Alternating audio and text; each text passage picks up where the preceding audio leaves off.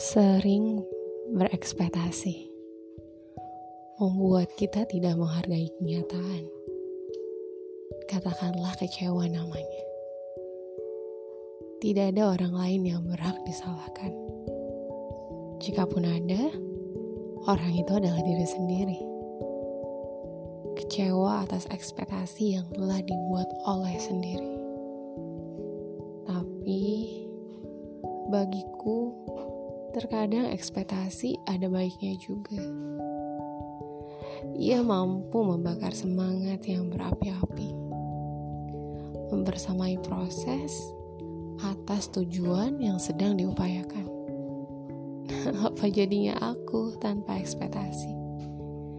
Tanpa ekspektasi, aku kemarin jika tahu hari ini akan gagal akan ada semangat untuk berupaya.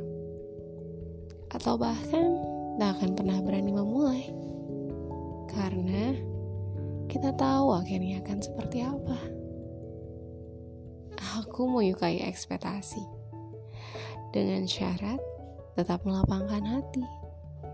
Kalau apa yang Allah tetapkan adalah lebih baik dari ekspektasi terbaik yang aku miliki. you